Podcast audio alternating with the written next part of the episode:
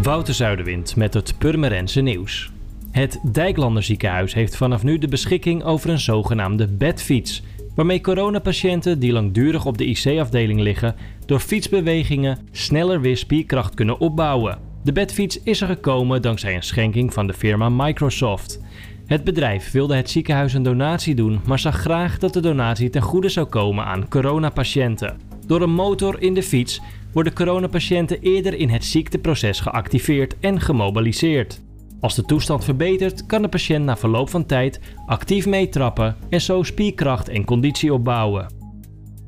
De echte Purvak kan dit jaar niet doorgaan in verband met de coronamaatregelen, maar van 28 april tot en met 1 mei is er een alternatief bedacht: de online Purvak.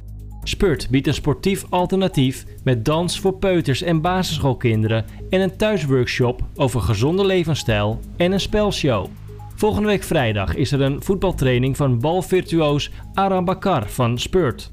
Bij Cultuurhuis Weerland kunnen kinderen drie dagen lang meedoen met een workshop waarbij elke opdracht bedoeld is om mensen in je omgeving blij te maken met iets creatiefs in deze tijd van afstand houden. De aangepaste vierdaagse online Purvak op Facebook en Instagram begint elke dag om 10 uur en duurt ongeveer een uur. Meer info is te vinden op purvak.nl.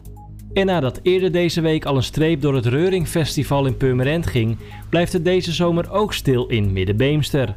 Stichting Beemster Gemeenschap heeft ook gehoor moeten geven aan het door de overheid opgelegde evenementenverbod tot 1 september en heeft gisteren officieel de Beemster Feestweek kermis, korte baandraverij en de autocross geannuleerd.